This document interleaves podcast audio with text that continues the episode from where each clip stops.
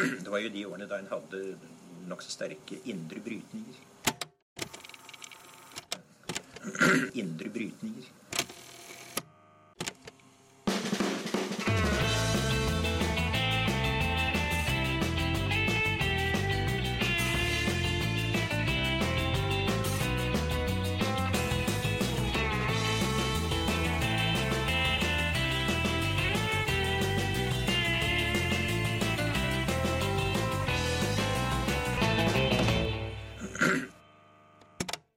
Velkommen til Noen har snakket sammen. Mitt navn er Tiril Rustad Halvorsen. Og jeg heter Aksel Fjellavli. Ja, da sitter vi her, da. Uka etter 2. Eh, november, som vi har venta på så lenge. Ja, og heng med huet. ja, det er lov å si det. Vi hadde jo håpet på et uh, litt annet utfall, men uh, nå er valget tatt, som uh, sjefen vår sa på Dagsnytt 18 samme dagen. og det er for så vidt sant. men vi kan i hvert fall prøve å rydde litt i hva, hva, konsekvensene på en måte kan bli, eller hva Man kan jo si at Knut Arild eh, Hareide er en del av den tapende parten i KrF. Mest sannsynlig så er han ikke partileder eh, lenger. Mm. Uh, ja, for det som skjer nå framover, er jo at, uh, at Kjell Ingolf Ropstad og resten av forhandlingsdelegasjonen til uh, KrF skal forhandle med Solberg-regjeringa. ja. Først om budsjett, og så også en slags plattform av noe ja, slag. Ja. Uh, og der må de jo få, uh, få gjennomslag på uh, abort, skulle man tenke, siden det er det den sida har ført valgkamp på. Ja, veldig, i veldig stor grad. Så blir jo spørsmålet om dette er et en, en, plattform som KrF kan stå, stå inne for. og da skal jo det vedtas i landsstyret og i stortingsgruppa til KrF, hvis jeg ikke mm. tar helt feil. Mm. Um, men um, man kan vel si det sånn at det er litt som med, uh, med folkeavstemminga. At, at uh, det, det set, man gir liksom partiet et veldig klart og tydelig ja- eller nei-mandat. Altså rødt eller blått mandat. Uh, og det er ikke så veldig stort rom for noe annet enn det utfallet som, som Fikk, ja. Ja. Sånn at selv om, selv om Ropstad sier at det er at man har en veldig sterk forhandlingsposisjon, så er det ikke sikkert at den posisjonen er så sterk, fordi alle vet at de må egentlig nesten mer eller mindre gå inn i den, eh, den eh, blå regjeringa. Så du mm. tror ikke han har spilt så høyt på det abortspørsmålet at han er dømt til å tape og skuffe den blå siden i KrF? Jeg syns det er vanskelig å se at, at uh, det skal gå an å akseptere for KrF, med mindre det kommer et eller annet på abort. Uh, ja. Og så blir det jo et spørsmål går det an for resten av regjeringa å akseptere det. Altså, ja. Kan Venstre akseptere å sitte i ei sånn regjering? Kan Frp akseptere å sitte i ei sånn regjering? Det er litt uh, uklart. Jeg så Unge Høyre også var ute og mm. var ganske krass i, krass i tonen. Absolutt. Så um, det blir, blir, spennende å følge, men jeg regner med at utfallet blir, eh, blir at man går inn i Solberg-regjeringa. Ja. Mm. Og da kan man vel kanskje kalle Erna Solberg for den største vinneren uh, av dette, mm. denne kampen. Hun har jo jobbet lenge for å få til en samling av de fire borgerlige partiene. Mm. Er det ja. noen andre vinnere her? Hvis man tar partiene, da, ja. så tenker jeg jo at uh, hvis vi tar fra venstre til høyre, så tenker jeg at partiene uh, ytterst til venstre, altså SV Rødt, og Rødt, uh, må man vel kunne kalle vinnere. Altså selv om at de på en måte får mindre gjennomslag i eh, liksom sak, sakpolitikk i, en sånn posisjon som de blir satt i nå, mm. så vil det jo kunne være mye tydeligere enn det de både de har vært før, og det de har vært Eh, eller det de kunne vært mot en eh, sentrum-venstre-regjering.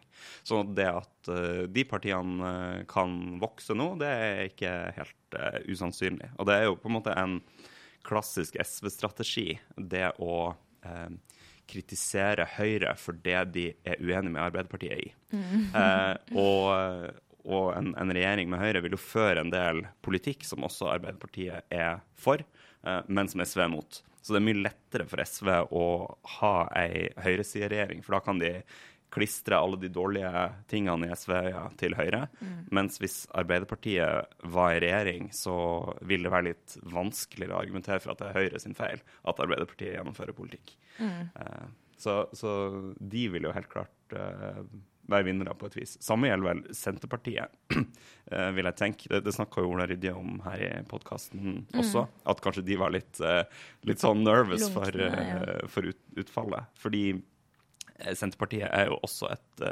bunnsolid opposisjonsparti, må det vel gå an å si. Og Har gjort det veldig bra under Erna Solberg sin tidligere ja, ja. regjeringer. Ja, ja, ja. Og, og, det er klart at det er jo litt sånn ambivalens i det her. fordi at også Senterpartiet ville jo, altså hvis de satt i regjering, fått tydelig gjennomslag på spørsmål som var viktig for dem. Det får de ikke nå på Nei. samme måte. Men samtidig så har de en mye lettere posisjon inn i kommunevalgkampen.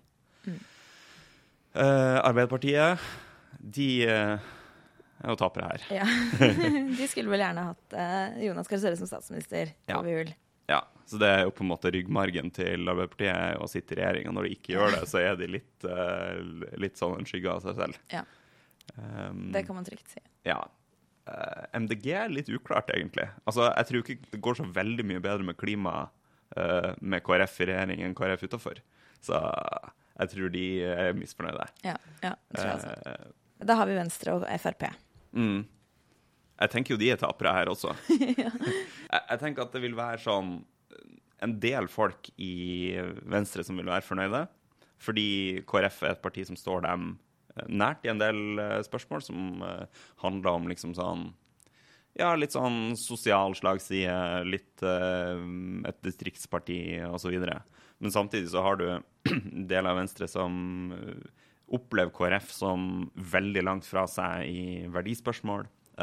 Og at det, det blir på en måte mindre rom for Venstre, kanskje, i ei Mindre rom for Venstre, og kanskje de må liksom godta en del saker som de absolutt egentlig ikke vil ha. F.eks. Mm. hvis det blir noen endringer i abortloven.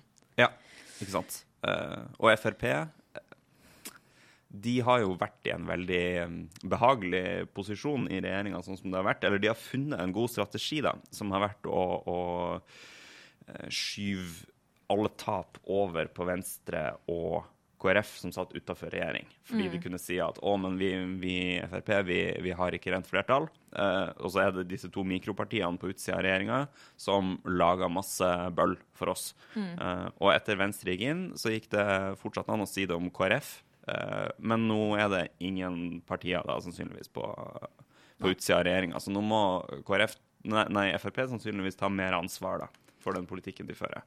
De kan ikke ha en flertallsregjering og en stortingsgruppe som sitter og roper mot egen regjering. Det ville jo sett veldig rart ut. Ja, um, så um, de samme argumentene som uh, Høyresida har brukt om den rød-grønne regjeringa at de satt åtte år i flertall, og likevel så fikk de gjort nesten ingenting. Eh, det, det, vil jo kunne gå andre veien igjen.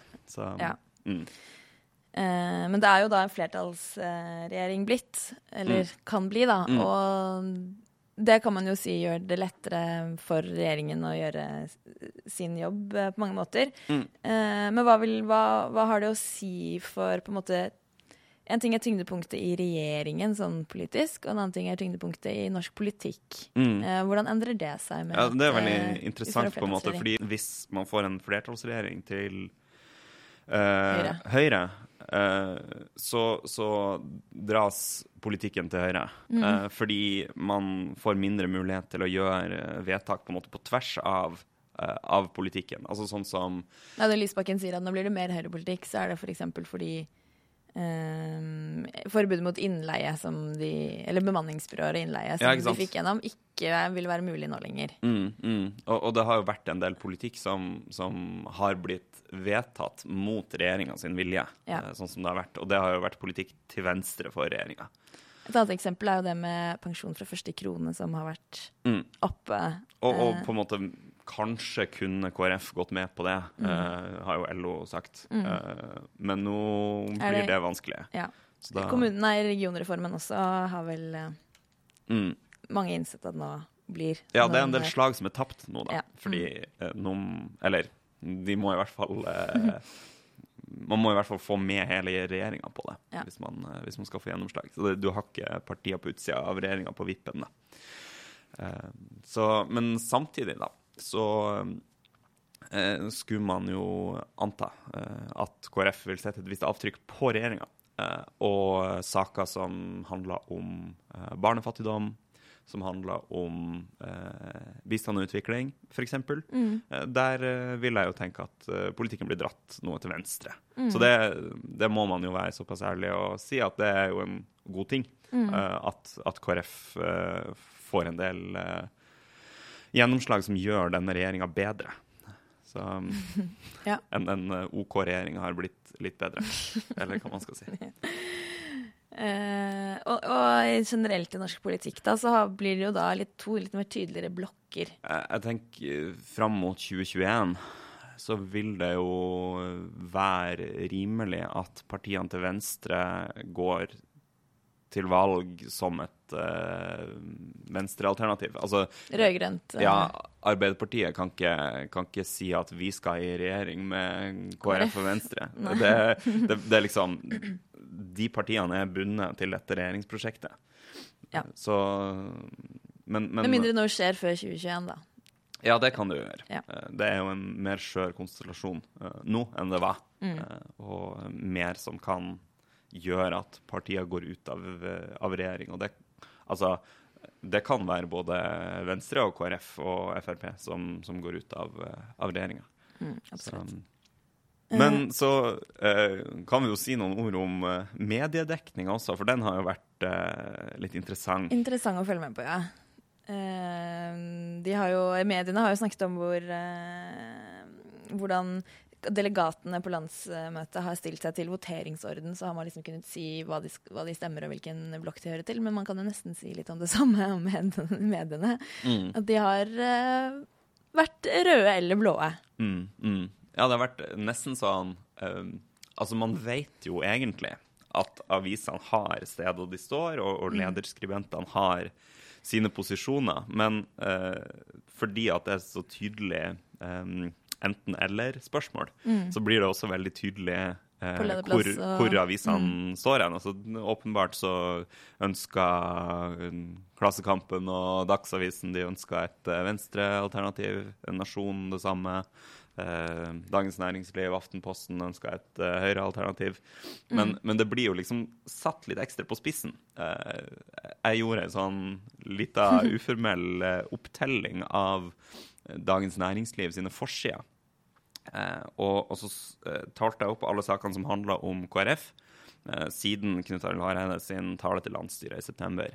Eh, og da kom jeg til at det var elleve forsideoppslag om, om KrF. Mm. Eh, og, og, av de så var det åtte som jeg vurderte som å være til fordel blå side i mm. KrF. Uh, og null som var til fordel rød side, og tre som var litt uklar hvordan jeg skulle jeg sortere. Og så er jo dette, dette er veldig um, Hva jeg skal si uh, en, en, veldig lettvint skjønnsmessig greie, men, men likevel så, så, mener jeg å se et, uh, se et bilde da, i dekninga i, mm. i, Dagens Næringsliv. Så det er jo litt Det er i hvert fall et bilde på hvordan Jeg tror mange har det inntrykket. Mm Uh, og så er det vel ingen som har liksom lagt seg i selen for å kritisere KrF spesielt mye i denne måneden som har uh, gått, eller på begge sider. Uh, så den lederen i DN En av lederne i uka, Ukas DN er jo blant annet Den heter Katastrofal norm, hvor de bare kritiserer KrF sin lærernorm sønder og sammen. Mm.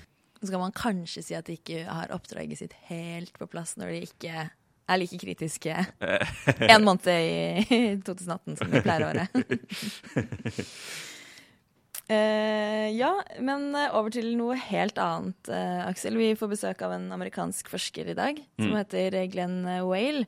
Han har skrevet en uh, bok sammen med en fyr som heter Eric Posner om som heter Radical Markets. Mm. Uh, hvordan man skal uh, se på markeder uh, på nytt da, til å fikse en del av de problemene man ser rundt i samfunnet. Alt fra mm. eiendomsrett til innvandring.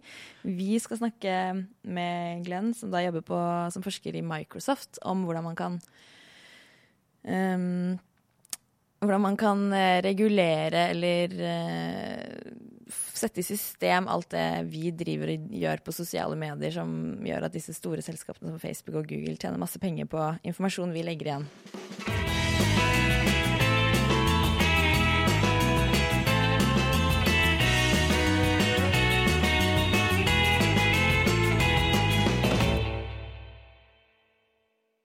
Um, welcome to our podcast, uh, Glenn Whale.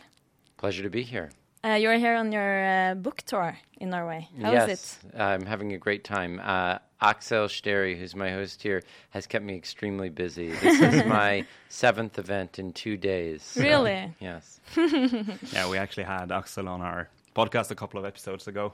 Yeah, um, and he was talking about your book actually. Oh, really? Excellent. so he's also keeping us busy. But uh, yeah, back to your book. Uh, you wrote that uh, together with Eric Posner, and it's called Radical Markets Uprooting Capitalism and Democracy for a Just Society. And uh, today we see um, rising inequality, slow economic growth, and political turmoil, turmoil around the world. And many people are blaming the market and the market economy. Um, and they speak loudly about regulating or even eradicate markets. Uh, but you and your book post totally different solutions to that problem, these problems. Um, and you think markets are a solution to them. Uh, can you please explain us how you mean, what you mean by that? Yeah, I think people assume that markets take a particular form, that they have private property, mm-hmm. that they have the ways that we currently vote, that they have the nation state as the central unit of organization. And we're trying to challenge all these ideas and say that actually, if we broaden our minds, if we think about what markets really require, that we'll find that actually to have truly free markets, we have to have co- much more common ownership. We have to have much more of what people would usually think of as socialism or the decentralization of power. And that is what uh, the book is all about. It's all about how we misunderstand markets. And that if we come to a different understanding of what markets truly are, we'll realize that those are the right solutions to these problems that we're so worried about in democracy, in the economy, in the way that the digital economy works, which I think we'll be talking about a bit later. We will. Um, do you see this as a kind of leftist idea or? Well, this contradiction between socialism and free markets uh, it's something we take for granted, but it's not something that I think maybe is taken for as granted in Norway or Denmark. Uh, these are places where there's a tradition of social liberalism, of actually socialism through market mechanisms. This was an idea that was central to many thinkers in the late 19th century and whose greatest influence, I think, was here in Scandinavia. Um, and in many ways, what the book is doing is trying to take those principles, which I think have had a great influence of Scandinavia, and dynamic competitive societies through equality and redistribution, and trying to figure out rules that we can use to make those more broad in society and to sustain them into this age when technology is changing so much and the forms of concentrated power are shifting from industrial and state to these large tech platforms and monopolies. Yeah, let's let's talk a bit more about uh, about that because uh, I guess when you have an economic system or a system of society that is working in a certain way, and then uh, aspects of it are changing, then you, I guess, should regulate uh, things a bit uh, differently to to adapt to to these uh, circumstances. And and one of the changes that you are describing in your book is the growth of what you call tech feudalism or techno feudalism. Uh, what is that, and why is it a problem? So, just to take a philosophical step back and speak about some of the things you were discussing, um, I think that what makes a robust, vibrant, liberal society is having a wide, diverse range of institutions that are not extremely concentrated but don't leave individuals completely on their own, that help organize individuals together in a variety of ways to protect them against the power of any very concentrated authority, whether that be corporate or state. Those can be things like unions, those can be things like small businesses, those can be things like churches. But many of these institutions are no longer so relevant. The church plays less of a role in many people's lives. Uh, small newspapers can't make it as much in the digital age, etc. And the problem that we get left with is that as technology advances, which is good, many of those institutions get wiped out. If we don't build new things up in their place to protect individuals, individuals are left naked in the face of very concentrated power. And I think that that's what led to totalitarianism in the 1930s because of you know radio and extreme capitalism left people very isolated and they were very vulnerable to the Nazis coming. And I fear that the same thing is happening today whether it's China or whether it's Google or Facebook or whatever, people are being left in this very isolated state without much agency and without the ability to demand what they want. So, what we've been left with is this thing I call techno feudalism. It's this arrangement where we are receiving free services, maps and search and chatting with our friends and in exchange, all of the socially valuable stuff we produce, all the marketable commodities, our data, are taken by these with no compensation, not only no compensation, but no even acknowledgement to us that we're creating a value there. Totally lack of transparency that undermines our agency and that puts them in charge of managing speech and managing our attention and managing the economic value that comes from the system. That is techno feudalism, and I think it's very dangerous. In your book, you also mention a guy named uh, Jaron Lanier, and he, I read a book he wrote about how we become the product and not the customers in this universe. Um, but how how is it work? You, you talk about how we need to be get paid for the work we do, but how can you call this chatting with our friends work? So there are many things in our society that don't feel like work. The notion of work changes over time. You know, uh, a great example of this is for the last two days hanging out with Axel. Um, I have been talking to all sorts of people about the future of society and the shape of work and all this sort of stuff. And I, you know, more or less get paid for that.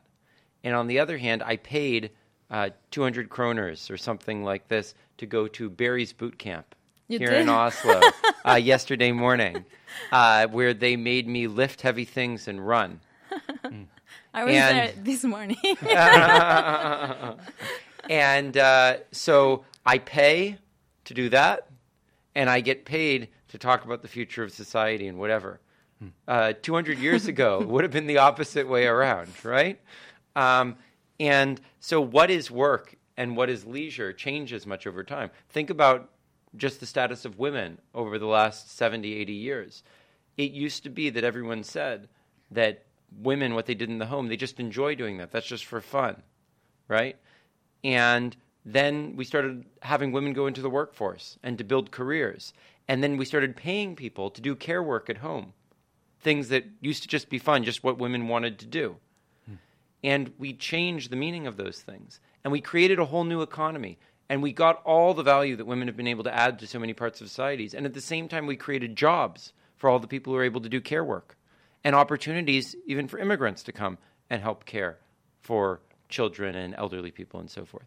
So when we ignore these values, when we convince ourselves that it's just fun, when we forget about all the ways that it adds to automation systems and machine learning, we eliminate all this value from the economy that we could have had. And obviously, it's very valuable to these uh, large tech companies that we are doing uh, whether you call it work or not. It's we are creating a lot of value for yeah. them. Absolutely. So there's something called the labor share of national income, which is something economists think a lot about. Mm. What share of the money ends up going to work versus just to people who have wealth? Mm. And that used to be about 70% historically, and it's fallen even in places like Norway to about 60%. And for the tech companies, this is 5% or 10% in that future, if we go in that direction, if we follow this path of not acknowledging all the valuable contributions that all of us are making, we're going to end up with all of the value accumulating in the hands of a very small number of people.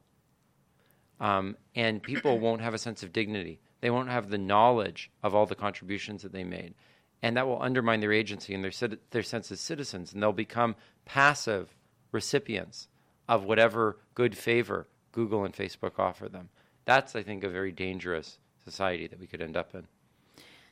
Uh, maybe it's not obvious to everyone how the things we do on, for example, Facebook is valuable and how these companies use what we do to um, earn so much money. Can yeah. you maybe it's complicated. We could maybe yeah. explain. So, so there's there's a couple of examples that I think are pretty vivid to most people. So uh, I don't know if any of you guys have done those recaptchas online mm. when you have to enter in these characters. Did you know that what you're actually doing is training artificial intelligence systems when you do that? Not until I, I read your book. No, yeah, yeah, exactly. Yeah, so people don't uh, don't know that, but those those things are actually a basis for optical character recognition to help computers recognize those words. And you, have you noticed how they keep getting harder over time? The reason is what you're doing is you're training the system, mm. and then it's getting better.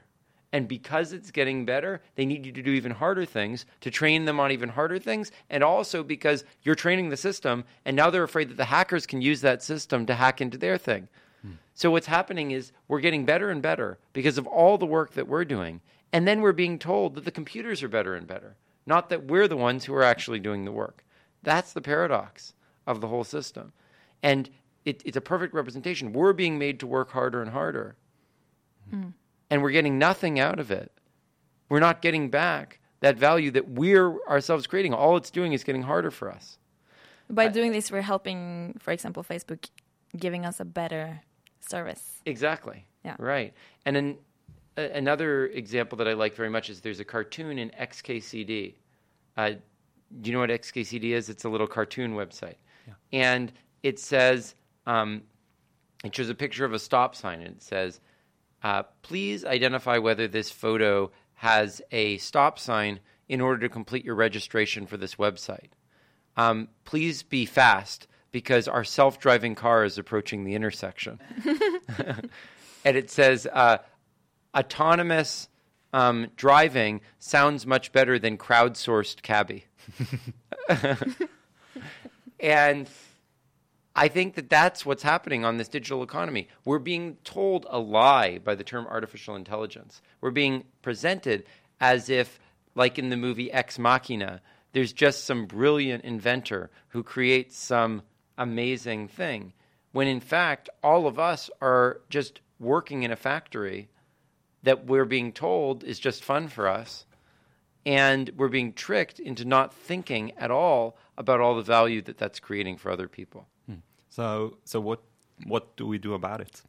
I think we need to organize collectively, just as in the industrial age, people were being turned into wage slaves when they were unable to work together because they couldn't afford to just quit as a protest. Just like today, they can't afford to just read the terms and conditions all on their own. We need people who can act on our behalf, who can be fiduciaries, who can bargain collectively and not just bargain collectively for our economic rights, but also for our privacy rights. Because if the you know trade union movement got higher wages, it also got better working hours and limits on what the employers could do to us. And that's very much like privacy today. But not just that, we need people who can help us think about censorship and information quality and fake news and stuff like this that's not just the state or Google. We put all the power in their hands. Instead, we need to take that power closer to us in the form of these organizations that can help protect us and defend us against those monopolies. Hmm. Uh, I would guess that the, the, the stereotype of the uh, American free market proponent would say that what you are suggesting is creating sort of a cartel and you are sort of monopolizing uh, power in the market. So, how is this part of a, a market solution? So, we need these organizations to be smaller than the giant platforms that serve 3 billion people for two hours of their time on average a day. That's the sort of thing you get with Google and with Facebook. We need things that are smaller than that, but that are big enough to have bargaining power. And every healthy market system has always had organizations like that. It is a parody of the free market to think that individuals have to do everything on their own. Hmm. Truly free markets involve creating symmetric power, not atomized individuals left naked in the face of concentrations of power. The tradition that I believe in is not liberal individualism. It's what we call liberal radicalism. Hmm. It's where we know that we need to protect individuals, but that no individual is an island unto herself and cannot, on her own, defend her own liberties. It's only by organizing together that we can protect a sphere for our freedom. Uh, also, uh, I have, have another question more uh, about the practicalities of this. Yeah. Uh, because the the uh, the growth of the labor movement in the 19th century, there were specific hi historic conditions that made it possible. Uh, particularly that not only were you exploited by uh, by the owners, but you also uh, you you were also working under severe working conditions, and you had almost no money. So there was a quite a big incentive to uh, to organize collectively uh, and to to uh, uh, to fight against the the owners. Uh, but today, the the data workers they are living quite good lives. They are having fun on the internet, and they are being exploited. So the incentive to organize is not that big. So how how how is it possible to get people well, to organize? On the other hand, the costs of striking today are much lower than they were in the past because you can use digital technology to actually have like a VPN that mm. people go through that could then, in an automated way, cut off the access, like an yeah, okay, ad so the blocker. union would have a VPN, and then you would connect through that VPN to the internet and so they could use that as a way to enforce and coordinate the strike. Mm. And honestly, I do think people feel very disaffected right now. You know, we see techlash being discussed all over the world. We see people very upset about fake news and so forth. So maybe the complaints aren't as severe as they were in the 19th century, but the technologies are different as well. And the forms of socialization that help connect people are different as well. So, yes, we need to organize in ways that connect us to the conditions of today. Mm to the ways in which we are associated with each other. But I think that there is a real push against what's going on with the tech companies. And I think it's part of the reason why so many populist parties are coming to power. People feel alienated and that the power is being taken away from them by these types of organizations. Do you know if there's anyone trying to organize like this in the yeah, world? so there's already about 60 organizations like this that have really? been created with several billion dollars invested. One interesting one is in Holland. A Dutch socialist member of the European Parliament uh, founded a data labor union uh, in in Holland. So that's a interesting example. There's some great examples in the United States as well. There's one founded by the former chairman of the Federal Communications Commission in the United States. So there are problems with many of these. They're not all great, but um, we get contacted by several of them every day. And we wrote an article in the Harvard Business Review called a blueprint for a better digital economy, which is trying to give principles that these need to follow in order to be effective and, you know, follow the example, not just of the labor movement, but other organizations like universities and so forth that played these intermediate roles in the past. Thank you so much for coming here and talking about your book. It's really interesting. Uh, so far, I just read this this chapter, yeah. but uh, it really many more us, things to talk about in the future. Yeah, yeah. it is. so thank you so much, and good luck on the rest of your tour. Pleasure. Thank you.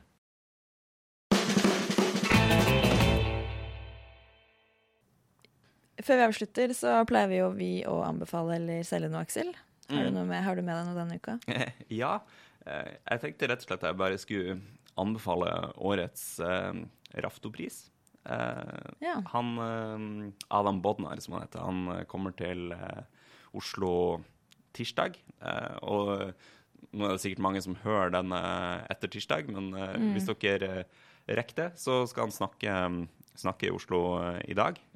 så det kan være noe å, å få med seg. Jeg syns det er en veldig kul Rafto-pris. Han er la oss kalle sivilombudsmann ja. i, i, Polen. En ombudsmann for menneskerettigheter. Og dette er jo et land som eh, vel har vært litt ute på galeien hva angår eh, menneskerettigheter i det, i det siste. Og, og, det er kult at man gir, eh, gir den type menneskerettighetspris til en person på innsida av systemet. Ofte mm. er det jo sånne som står på utsida av Europa, men nå er det liksom eh, en sånn ombudsfunksjon uh, i det som i utgangspunktet er et liberalt demokrati. Så det er en interessant og viktig pris. Mm. Mm. Bra.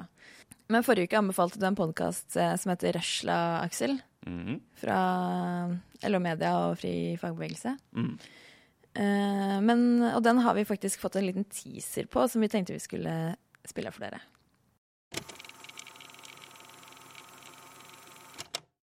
Har du noen gang lurt på hvordan det er å ikke ha råd til noe som du virkelig trenger? Du sitter og spiser, og så kjenner du at eh, du plutselig sitter og tygger på tannbiter. Det er grusomt. Eller hva som skjer hvis du jobber mer enn du sover? Nå sliter jeg, nå sliter jeg, nå sliter jeg. Jeg klarer snart ikke å holde øya oppe. Eller hvordan en robot ville hørtes ut hvis den snakka trøndersk. Hei, kan du passe deg litt? Og ikke minst, kan den roboten ta over jobben din? Pass Svaret på dette får du i Røsla, en podkast om deg og meg. Om de store samfunnsspørsmålene, og om de små historiene fra innerst på kontorene og ytterst på oljeriggene, som vi ellers aldri hører om. Hver uke så møter vi mennesker som kjemper for sine rettigheter. De som har vunnet, og de som har tapt. De som prøver å forandre Norge, og de som har falt helt utafor. Lytt til Røsla hver tirsdag der du hører på podkaster.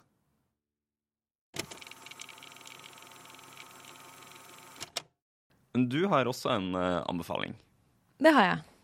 Uh, jeg tenkte jeg skulle anbefale en artikkel som sto i NRK i helgen om uh, tunge kriminelle fanger på, i Halden fengsel som får lov til å dra tre uker eh, på noe de kaller eh, retreat, som er eh, basert på noen munke... Lever tre uker i total stillhet. Eh, og så har de eh, en samtale med en prest om dagen. Det er det eneste de prater. Og dette har de prøvd med veldig stor suksess i Sverige allerede, da, med vel, null tilbakefall på de kriminelle som hadde fått være med på dette, da, og de sier at de forandrer seg og finner tilbake til følelsene sine og blir eh, bedre mennesker. Um, og jeg syns bare det er veldig bra at man kan få penger eh, til å gjøre sånne ting i norske fengsler. Mm, mer av det. Mm. OK, men da takker vi for oss. Yes, takk for oss.